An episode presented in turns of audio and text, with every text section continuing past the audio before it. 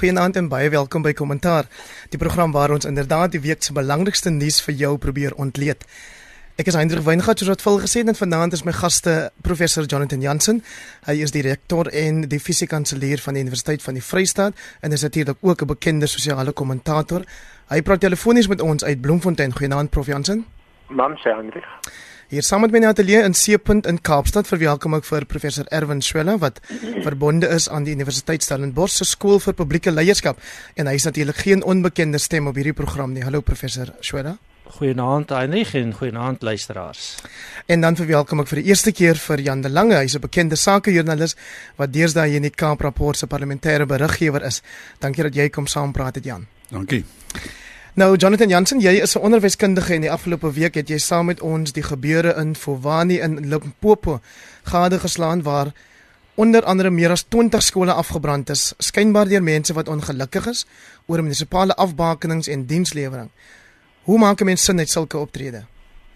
Man, eerstens uh, moet 'n mens natuurlik erken uh, dat daar vir 'n lang tyd 'n kultuur van geweld uh, diep gesetel is in ons in ons land en dit gaan oor geweld teen persone, geweld teen groepe mense, geweld teen jy weet uh uh dinge soos skole en biblioteke wat afgebrand word en so aan. So hierdie goed kom al 'n lang tyd aan, jy weet. En waar dit vir my jy weet ongelukkig is dit nou in die media, jy weet, fokus mense meer oor wat gebeur het en vra weinig die vraag wat jy nou vra is hoe hoe hoe ons uh, by hierdie situasie uitgekom en dit het te doen met 'n die diep minagting van die onderwys jy weet. Nou, jy kan mense in die tronk gooi jy weet maar dit gaan nie eintlik die gedragspatroon verander nie.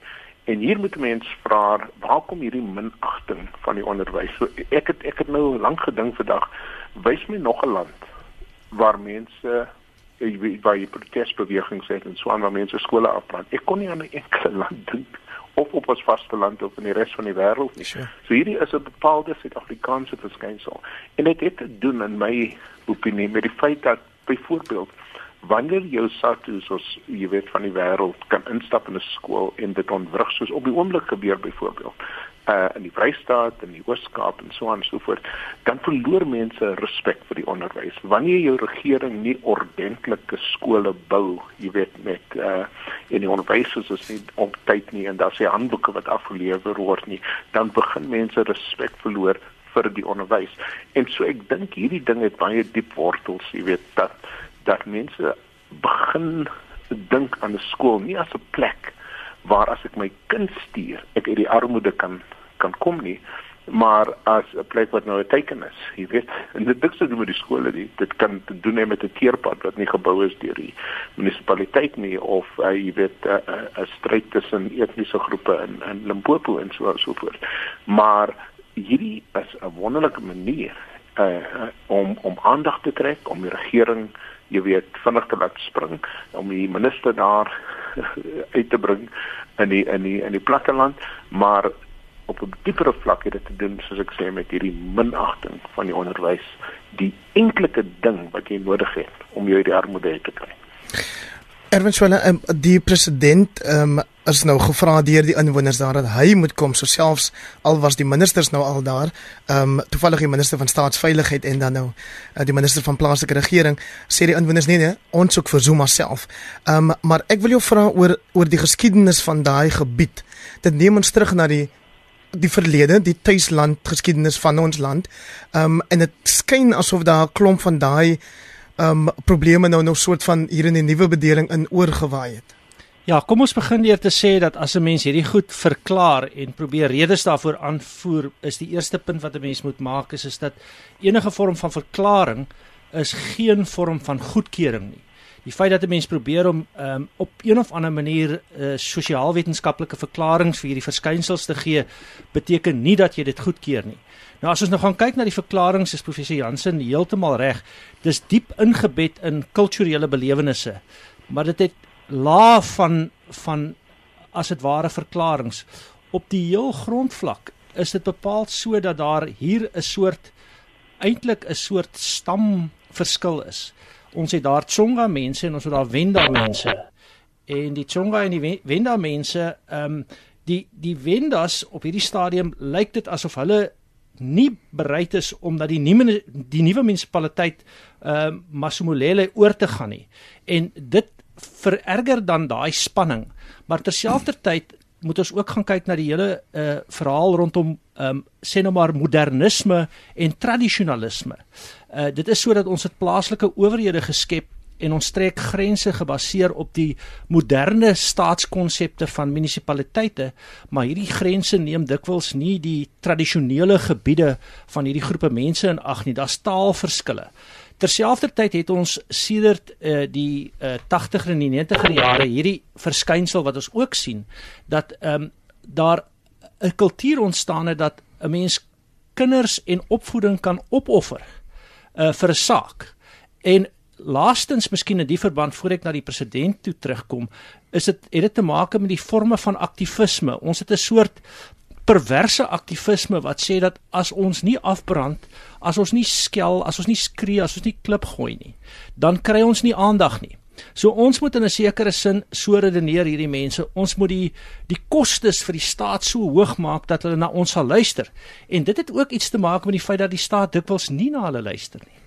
As 'n mens gaan kyk nou hoe swak die dienslewering is, dan luister die staat nie. So die indruk wat die mense het later is, is die enigste manier waarop hulle gaan luister is as ons afbrand en as ons as ons marseer, as ons klip gooi, as ons geweld pleeg.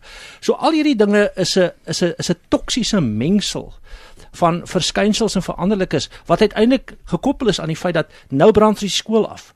En ek moet sê, um, en daarmee sluit ek af, daar's 'n ou gesegde wat sê as mense boeke brand, sal hulle later mense brand en ek dink 'n mens moet baie versigtig wees. Hierdie is gevaarlike tekens van totale onverdraagsaamheid en 'n kultuur van vernietiging wat ook nog deur bepaalde politieke partye aangewakker word. As jy Jan de Lange nou hoor ek Zizi Kotwa van die ANC sê die mense moet verlief neem daarmee dat die hof het die hierdie nuwe afbakening goedgekeur en dis hoe dit nou is. Die minister dink ek het ook gesê hulle moet terug aan hof toe as hulle dan nou hierdie nuwe afbakening wil betwis. Wel, jy weet, hulle gaan nie terug hof toe nie soos ons kan sien. ek weet nie wat soos die wel wil hê moet gebeur nie, maar mhm. ehm um, ek ek is bewus daarvan dat in die ANC is daar is daar wrevel. Daar's daar's nie begrip vir hierdie mense wat wat wat uh vir die saak wat hulle dien deur die skool af te brand en en en en, en daar daar wil daar's daar's 'n baie sterk gevoel dat daar hardhandig opgetree moet word teen hulle. As 'n politieke waarnemer, hoe, hoeveel dink jy het die die politieke ehm um, woelinge of optreders binne die parlement self waar jy nou die grootste deel van jou week deurbring te doen met wat ons dan buite in die gemeenskappe sien? Wel, ek weet die vraag wat ek mes sit nou so dink en as jy nou kyk van wat die afgelope week gebeur het en met die president se begrotingsrede wat bespreek is en hoe dit bespreek is met die EFF wat weer hardhandig daar uitgedryf is omdat hulle beswaar maak teen die hulle hulle erken nie die president. Weet hulle het geen respek vir hom nie. Ehm um, hulle hulle is daar uitgejaag en, en aanhandig uitverwyder soos ons weet vir die hoeveelste keer. En toe staan daar debatte in die amptelike oppositie in die in die aan die ANC wat uh, wat gegaan het oor die die president die, hart daarvan was kan ons hierdie president 'n beskuldigde en 'n misdadiger noem of nie. Ons gaan ons gaan nou nou 'n bietjie meer daaroor praat Jan as jy nie omgee dat ek in die rede val nie, maar in daai selfde ehm um, of in die president Zuma se repliek op sy begrotingsrede het hy daarom ook of dalk was dit nie in die in die rede self het hy verwys na die gebeure daar by ehm um, in Limpopo en het hy daarom daar sterk genoeg dink ek daarteen gepraat. Ja, nee, hy het en, en, en hy sê die regte goed. die president sê die regte goed. Maar daar's 'n gevoel in die land soos ons almal weet dat die president nie daar hoort nie, dat hy nie gesag het om te praat nie. Ehm um, en en ek dink dit is dis dis dis 'n toenemende probleem in ons in in in ons um, politieke siege. Uh mhm. -huh. Dat dat met die staat se se se legitimiteit uh sal hy moet dit word nie erken nie en dit hy moet dit met geweld afdwing. Ja, Jonathan Jansen, verbaas dit jou nie ook dat dit dae geneem het en 20 geboue ehm um, se afbrand geneem het voordat dit gelyk het of die staat optree of die wetstoepassers bewus raak van die rook wat daar in die lug bokant Limpopo ehm um, dryf nie. Want dit is die probleem, jy weet, en die, die eerste vraag wat ons altyd met vra vra as leiers het sy op universiteit of in 'n bepaalde munisipaliteit, uh luister julle na die mense in die eerste plek. Jy weet nog voor lank voor mense oorslaan na na gewelddadige uh, aksies toe en dit blyk nie die geval te wees nie. Jy weet de, en ek is seker daar was tye en geleenthede waar mense gesê het op plaaslike gebied man ons wil nie deel word van uh, en mag ek net dit sê in vir in verwysing na 'n uh, kollega se vroeëre kommentaar. Jy kan nooit in die politieke wetenskappe of in die algemeen uh jy weet vir 'n verklaring aflê op grond van mense se etnisiteit nie of of of volks uh identiteit nie. Dit dit op sigself verduidelik niks jy weet. Wat wat dit gewoonlik oor gaan is hulpbronne. Dit gaan gewoonlik oor wat 'n kans het ek om nog steeds jy weet die soort van dienste kry uh, wat ek uh, sou gekry het as hierdie grense nou skei. Dit is eintlik waaroor dit gaan liewers as die feit dat ek Tonga of of wen of wen of wat ook al is en gaan is en so en so voort nie.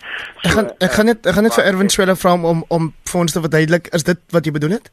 Wel ek uh neem maar waar ek sien wat ek sien en ek en ek lees die kommentaar en dit blyk dat uh, daar um, byvoorbeeld situasies is en dit gaan natuurlik ook gepaard met strukturele stremminge dit gaan gepaard met uh, hulpbrontekort dit gaan gepaard met armoede maar wanneer hierdie goed bestaan as 'n basis in die samelewing is daar soms dan uh, kom ons sê politieke entrepreneurs en ander sosiale leiers wat hierdie verskille uitbuit. So ek uh, is nie 'n voorstander daarvan dat dit so moet wees nie, maar ek gaan lees die berigte en ek kyk na wat uit die omgewing uitkom en byvoorbeeld is daar gevalle waar as mense bepaalde taal gebruik uh, by die winkel uh, by die winkeltjies in die omgewing dan word hulle verwyd. Ehm um, so ek uh, wil nie daardie verklaring ehm um, st te sterk aanbied nie. Ek het reeds gesê dis ingebed in 'n baie uh digte konteks van verskillende verklaringe, maar daar is dan 'n vorm van mobilisasie op grond van hierdie uh as dit ware sigbare of hoorbare kenmerke.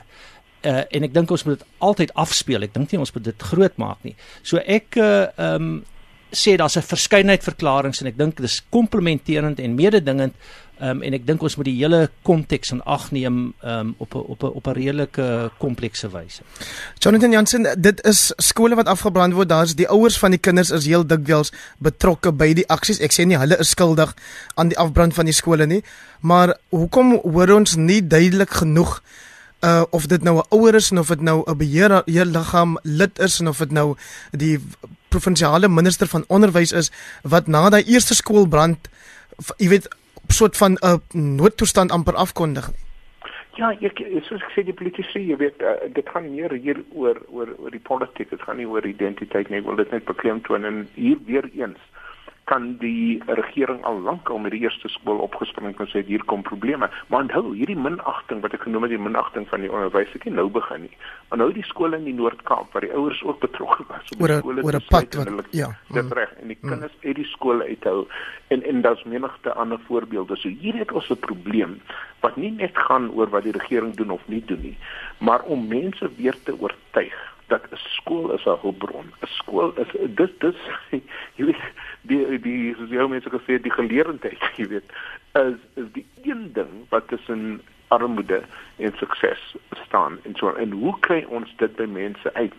As hulle nie die skool sien as sulks nie, maar die liewers die skool sien as iets wat afgebrand kan word om 'n politieke of ander punt te maak of om aandag te trek en so aan. So hier is sit ons met 'n probleem wat nie maklik oplosbaar is nie en waar ons eintlik as gemeenskappe, politici ingesluit, maar nie net hulle nie, hierdie uh, uitdaging moet aanvat. Jan de Lange nou sê die minister van van basiese onderwys moet sê dat jy kan daai geboue weer môre begin herbou, maar daar is byvoorbeeld 'n klomp ehm um, dokumente of sê nou maar uitslae van van kinders wat nou in matriek is byvoorbeeld wat verlore is omdat dit nie noodwendig elektronies beskikbaar is nie of die rekenaars dalk ook nou gebrand in die proses. Maar jy weet die skade as jy 20 skole afbrand is dit is net eenvoudig skrikwekkend die vir die, die gevolge vir die kinders in daai gebied is net dis jy kan nie jouself dit nie indink nie dis dis mense wie se toekoms verdam heen is jy luister nou sê maar Erwin Eintlik ja, ek dink ons moet net ook die ander aspekte ons is ons lê te reg heeltemal sterk klem op op die onderwyskwessies, maar ons moet gaan kyk na die breër staatseffektiwiteit en legitimiteit. Uh Jan uh, het net 'n punt gemaak oor die legitimiteit van die staat. Die president is nie net die persoon president Jacob Zuma nie, maar hy vervul ook die presidentsamp. Die die die betrokke persone en hier was groot vrae byvoorbeeld oor hoe goed was die intelligensie Die intelligensiedienste is veronderstel om inligting in te samel. Hulle behoort eintlik te kon voorsien dat hierdie soort goed uh, kan gebeur. En in 'n in 'n proses waar ons nou oor jare eintlik sien dat daar op verskillende maniere aanstellings gemaak word, instellings op verskillende maniere ondermyn en ondergrawe word vanaf die presidentskap ehm um, deur na die nasionale vervolgingsgesag, die politieke inmenging in dinge soos die nasionale intelligensiediens. Al hierdie aspekte, die veiligheids- en die sekuriteitsdienste verlam eintlik die instellings en uiteindelik gaan dit oor dienslewering, dit gaan oor die hantering van die probleme, dit gaan uiteindelik ook oor wanneer daar nou wel opstand en revolusie is, hoe die veiligheidsmagte optree. En in al hierdie opsigte dink ek het ons werk om te doen. Ons het werk om te doen om ons grondwetlike instellings sterker te maak, om hulle professioneler te maak. En dit sluit die hele spektrum in en die onderwys is van wesentlike belang. En al die dinge daar rondom plaaslike regering is hierdie probleem want klaar blyklik is hier verskille in dienslewering. Die mense sien dit dat die dienslewering in een gebied is beter as in 'n ander gebied. So as ons nie hierdie goed alles gaan beter maak nie, dan gaan ons hierdie soort van dinge sien en ons het laastens leierskap nodig om hierdie visie te dryf. Nasionale ontwikkelingsplan moet geïmplementeer word. Dit moet die grondslag word waarop ons die land uiteindelik gaan 'n beter plek toeneem. Jonathan Jansen op Facebook vra Johan Strauss of die staat nie ek lees dit sommer um, soos wat hy dit hier skryf moet die staat nie burgers minder bybesit en meer verantwoordelikheid gee vir die besit en bestuur van gemeenskaplike infrastruktuur en ook die skep van ekonomiese groei deur 'n platform te skep sodat dit self deur die burgers kan gebeur nie. Wat kan gebeur nie? Ehm um, ekonomiese groei en dat hulle die gemeenskaplike infrastruktuur bestuur en soort van besit neem daarvan. Ehm um, man ek verstaan nie die konteks vir die vraag nie, maar die ehm um, dit uh, praat jy nou van die skole of Ehm um, ja, wat is dis 'n reaksie op wat gebeur aan Limpopo en dan vra hierdie hierdie ehm um, hierdie luisteraar op Facebook met die staat nie burgers minder bybesit en meer verantwoordelikheid gee nie. Ja, ek weet nie of dit die probleem gaan oplos nie. Jy weet aan die einde van die dag onthou die die uh, byvoorbeeld die basiese dienste wat is uh, jy weet insluitend die bou van 'n skool, die die uh instandhouding van die terrein en so en so voort. Hierdie goed het baie te doen met wat die staat op 'n baie basiese vlak, jy weet, is daar dak oor die skool. Jy weet, is daar onderwyser in elke klaskamer en so en so voort. Daardie goed word sentraal befonds en dis hoe dit moet wees. Ek kan nie sien hoe dat ons met die baie baie uh uh die gebrekkige onderwysstelsel wat ons in die nege provinsies en veral in plekke soos Limpopo uh uh KwaZulu-Natal en die Ooskaap het dat dit jy weet dat jy net hierdie soort van funksies kan oorhandig op plaaslike vlak nie. Nee, dit gaan hier deels oor om mense verantwoordelik te hou vir wat vir hulle aksies aan die een kant en aan die ander kant om seker te maak dat daardie skole so goed befonds is en, en bestuur word en dan die inmengings is deur die die hierdie vakbonde en so aan sodat elke kind eintlik 'n geleentheid kry om goed te doen en dat die ouers kan trots voel by skool, deel wees van die skool deur die beheerliggaamstrukture wat reeds bestaan en so aan en so voort. En nie met die korrupsie en die goed wat aangaan byvoorbeeld jy weet seker van die verslag uh wat nou elke week teruggehou word, jy weet oor hoe uh, poste verkoop word, jy weet deur hier van hierdie vakbonde. As jy nie al goed uitroei nie jy weet dan gaan mense minder en minder belangstel as die skool as 'n plek van bevordering. Liewer as 'n teken vir die politiek Erwin Swela sê vir ons kortliks iets oor die rol van tradisionele leierskap wat tog 'n belangrike faktor is in hierdie storie. Wel ek kan maar net verwys na berigte wat nou in die koerante uh, verskyn het en dit is dat uh, byvoorbeeld die tradisionele leiers van hulle um, en politici in die omgewing senior politici gaan in hegtenis geneem word is reeds in hegtenis geneem. Daar is 'n uh, aanduiding dat die uh, dat een van die uh, koninklikes van die uh, Wenda groep dat hy hom geskaar het aan die kant van die mense wat die probleme veroorsaak alhoewel hy nie die die die die dade van geweld en en uh, vernietiging goedkeur nie. So daar is iets daarin van 'n vorm van mobilisasie ehm um, uh, van van verskillende kante wat dink ek versterk word, geamplifiseer word deur deur hierdie soort van politieke kragte wat speel en al hierdie ander goed van ontgoocheling, ontbering, armoede, uh swak geleenthede en dit, soos ek reeds gesê het, vorm 'n toksiese mengsel wat uiteindelik lei tot tot uh slegte gevolge.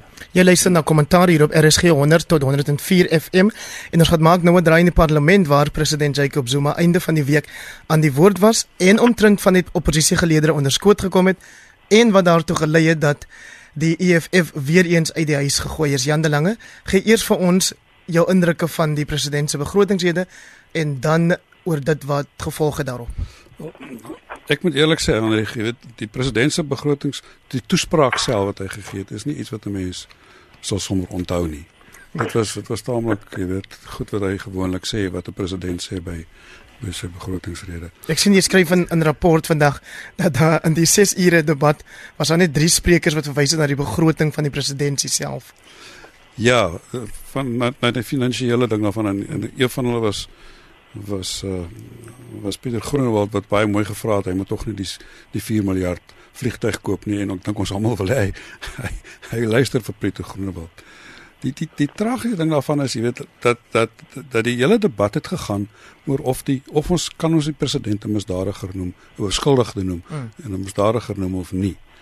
Ehm um, nadat die EFF uitgegooi is op 'n tamelike gewelddadige manier terwyl 'n groep skoolkinders wat die parlement besoek het as ook 'n Egiptiese uh, parlementslid eintlik die spreker van die Egiptiese van die Egiptiese parlement wat daar was. Uh -huh.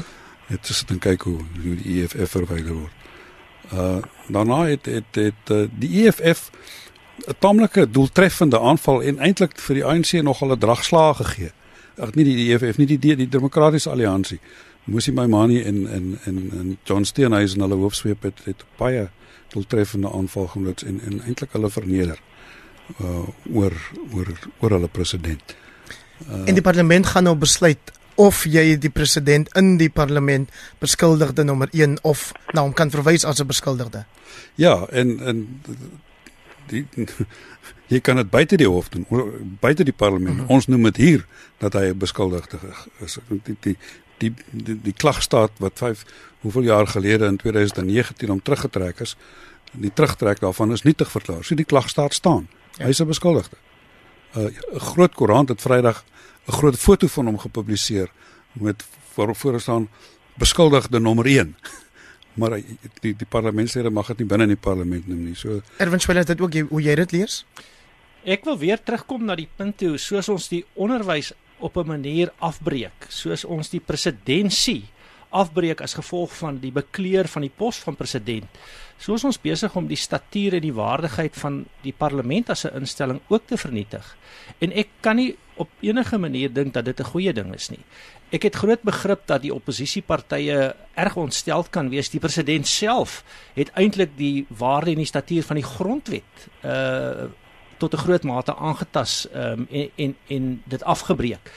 Dit lyk my is 'n verkeerde stel gebruike wat ons nou hier vestig. Ons moet op 'n manier terugkom by 'n situasie waar ons sê dat die grondwet is die hoogste wet van die land, waar ons sê dat ons gee respek aan die ampt, nie noodwendig aan die persoon nie. Ons tree binne die parlement met waardigheid op. Ons aanvaar dat onderwys is 'n waardige instelling in hierdie land en moet gerespekteer word.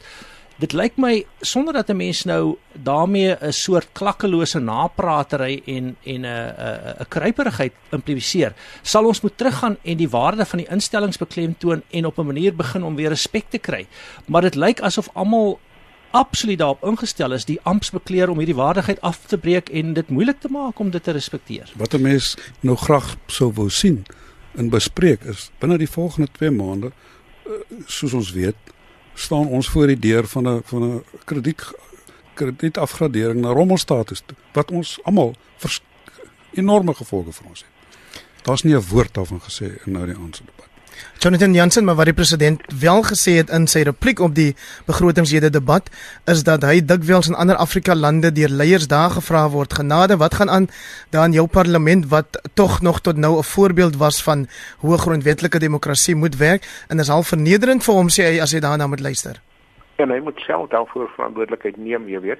Ehm um, Maar daarmee praat jy nie diep optrede goed wat in die parlement plaasvind nie. Nee, natuurlik nie. Uh die aard van die saak, jy weet nee, nee ek dink jy moet verantwoordelikheid neem dan hierdie ding het 'n lang, jy weet, aanloop. Uh, onthou daai tyd toe die president in moeilikheid was, jy weet, en mense om hom geskaar het en gesê het we will kill for Zuma.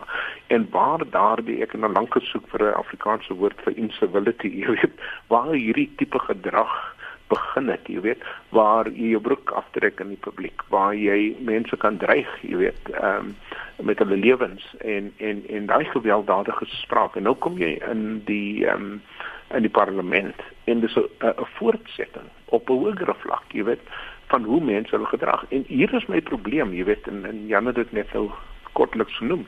Hier sit skoolkinders in die parlement. Hulle sien hierdie gedrag. Uh, jy weet uh, universiteitsstudente skakel die televisie aan en hulle sien hierdie gedrag en hulle begin dink dit is hoe jy eintlik optree as jy verskil met ander ou met jou spiere liewers as met jou jy weet met jou idees en so aan. En vir my is die groter slag hier jy weet dat uh, ons ons ons het nou op die hoogste vlak van regering, jy weet, 'n tipe gedrag waar jy eintlik vir entertainment, jy weet jou TV aanskakel wanneer die parlement in sessie is om te sien hoe mense mekaar bevloek, hoe hulle van mekaar verneder, hoe hulle mekaar rassisties uitbuit, jy weet en en daar sit die president in gegil. So ek dink ons het 'n probleem hier, jy weet, want wat wat jy eintlik soek van jou leierskap en wat vir jou die morele reg gee om te kan praat in 'n plek soos Wuani. Jy weet, is die feit dat jy 'n voorbeeld is, jy weet van hoe jy jouself gedra in die openbaar as 'n politieke leier en so en so voort. So ek ek is bevrees dat wanneer ons op ons kampusse byvoorbeeld hierdie gewelddadige, jy weet, uh, uh aksies sien, uh, loop dit in een dink ek en kry hy sy inspirasie deels van die feit dat dit is hoe mense op daardie vlak uh hulle verskille met mekaar uh uh uh uitsorteer. Nou Erwin Swela soos wat Jonathan Jansen as 'n visie kanselier en rektor op 'n kampus 'n belangrike rol speel, so speel die spreker in die parlement 'n belangrike rol. En ek wonder dikwels of dit nie deel is van ons probleem nie, want as jy wat in daai stoel sit nie sê nou maar die nodige emosionele intelligensie het om 'n situasie te kan hanteer nie, dan gebeur dikwels ook wat daar gebeur. Op watter stadium moet ons sê Baleka must go? Kom ons vat dit net so een stap terug. Die president sê dat die uh in sy reise deur Afrika word daar gesê dat die parlement is besig om totaal te ontaard. Die president het nou die dag in die in die debat gesê dat uh die spreker moet haar huis in orde kry. Uh so die die president op een of ander manier is besig om te sê ander mense moet iets doen. En ek dink uh, wat professor Jansen en ons almal dink ek sê is die president moet ook begin om iets te doen. Die president moet die waardigheid herstel. Die president moet optree op wyse wat uh, dit moontlik maak dat 'n mens met respek kan optree. Die speaker is 'n besondere amp in die parlement. Dit is eintlik iemand wat met 'n soort ehm um, die die die die die terme wat dikwels gebruik word met 'n soort dignitas, 'n soort waardigheid ehm um, moet optree dis iemand wat moet gesien word as iemand met gesag. Daar's 'n sterk simboliese rol vir die persoon, selfs die klere drag van die speaker, die manier waarop die speaker in die parlement ingebring word. Dit het alles te maak met die skep van hierdie waardigheid met met hierdie ehm uh, gravitas, hierdie amper amper 'n swaar stelsel. Terselfdertyd vind ons dat al hierdie goed gebeur nou en dit breek hierdie waardigheid af, dit breek hierdie respek af. Die speaker self het baie daarmee te maak. In die verlede was dit altyd so dat die speakers en veral die voorsitter van die uh, finansiële kommissie iemand was wat wat respek afgedwing het by al die partye wat met ander woorde 'n kruisnit rol, 'n versoenende rol tussen al die partye kan speel en om ook versoening en regverdigheid teweeg te bring. Maar die parlement ironies genoeg het verpolitiseerd geraak. Ehm um, 'n mens sou nou dink die parlement is polities, hmm. maar as die parlement as 'n instelling verpolitiseerd raak, op die wyse dat dit uiteindelik al die straatgevegte in die parlement inbring in plaas dat dit die waardigheid van die parlement na die straatgevegte toeneem, dan sit jy met die dilemma waarmee jy nou sit.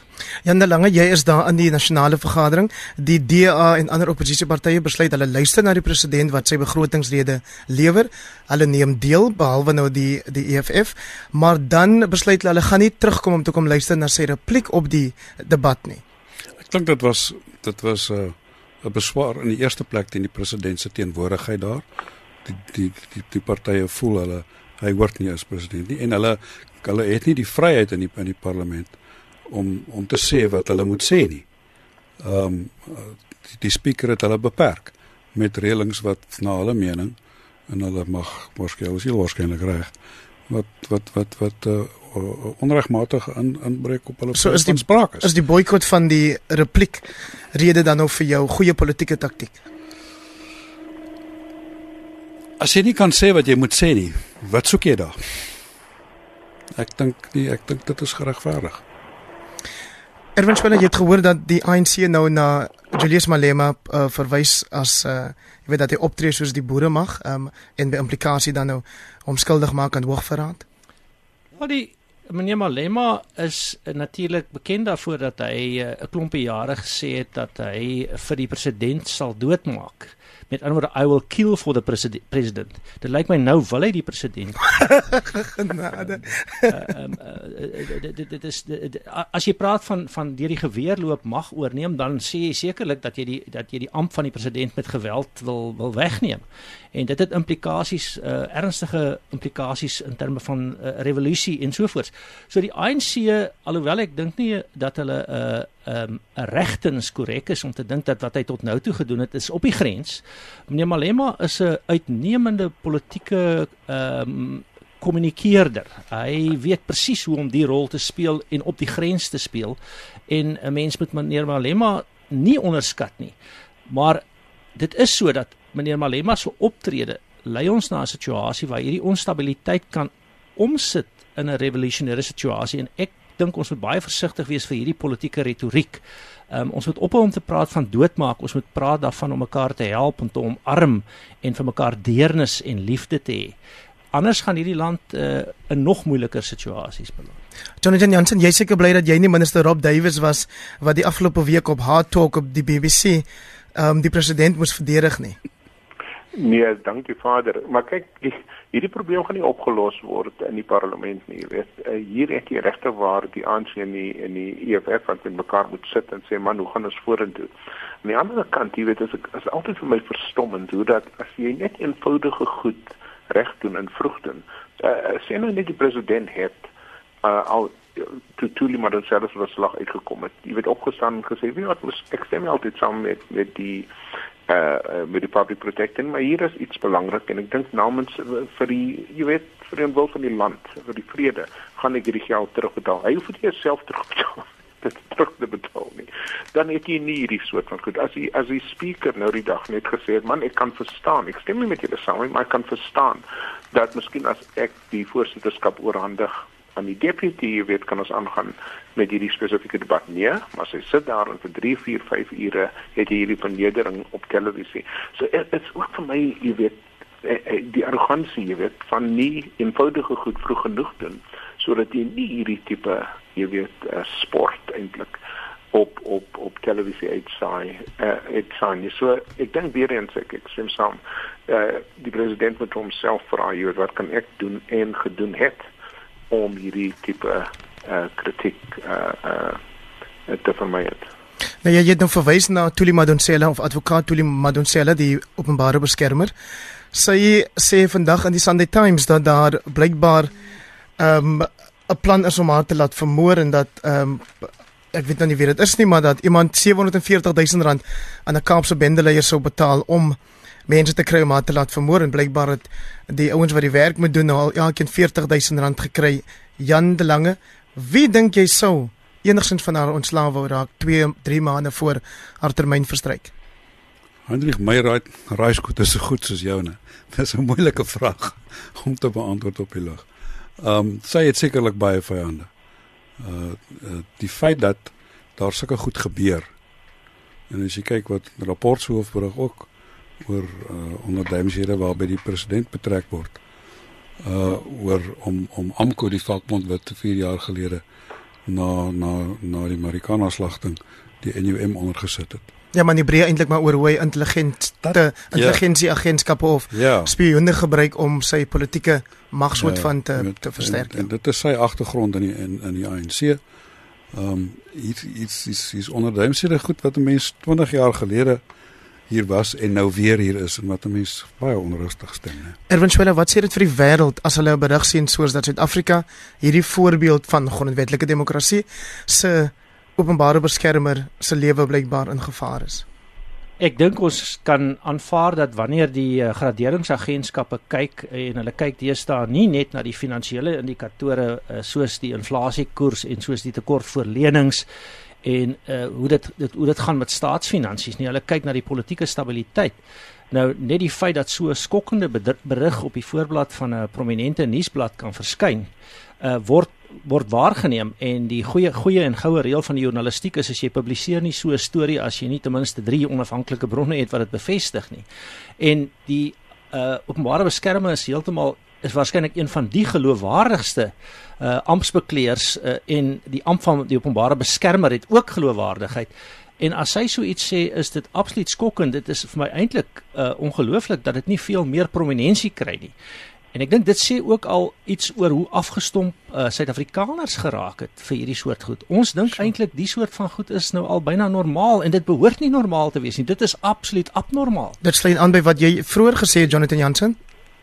Ja ja ja, nee absoluut. Kyk as ek Tuli maar self was, uh, jy weet, sal ek nie kanse vat nie. Uh, hierdie is 'n gewelddadige land, jy weet, um, ek is seker soos hy gesê het, daar is seker hier is sekerlik ook revenge op die spel uh mense haat daar uh aan aan die kant van die dominante party en men mens moet eerlik wees oor.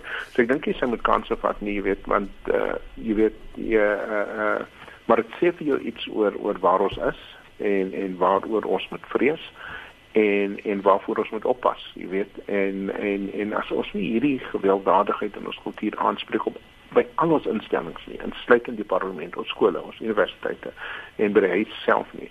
Uh sal dit net erger met ons gaan. Dit is nou ons wel ons het nou omtrent nog so 3 4 minute oor hier op kommentaar en ek wil nog graag dat ons die fokus verskuif Erwin Schwelle na Amerika waar die presidentsiële voorverkiesingsveldtogte aan die gang is. Dit lyk nou of Donald Trump die een wel hy is die enigste oorblywende Republikeinse kandidaat, maar dit lyk of sy groter struikelblok is om die party te kry om hom nou eers te endorseer.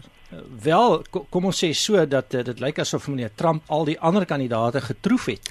en in die proses nou die enigste persoon is wat staande gebly het en dit is tot die absolute verbasing van die wêreld, maar op een of ander manier is daar nuwe kragte in die politiek wat werk en daar is oor die wêreld 'n soort ontgoocheling met die konvensionele politiek. Uh op die grondvlak is daar 'n geweldige spanning oor wat gebeur. Die vertroue in instellings wêreldwyd het getaan. Daar is aanduidings dat uh, uh nie baie van ons dink ons bank kan vertrou word nie en die meeste van ons dink ons regering kan nie vertrou word nie en dieselfde geld in Amerika.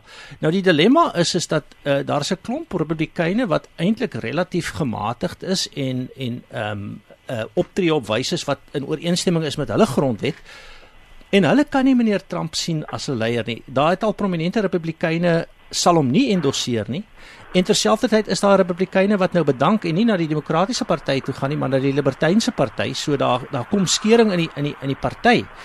En uiteindelik lyk dit my meneer Trump gaan moeilik, maar ek was al oor die goed verkeerd. Meneer Trump gaan moeilik uh, en dis nie my voorkeur nie. Ek het geen belang by die Amerikaanse politiek per se nie.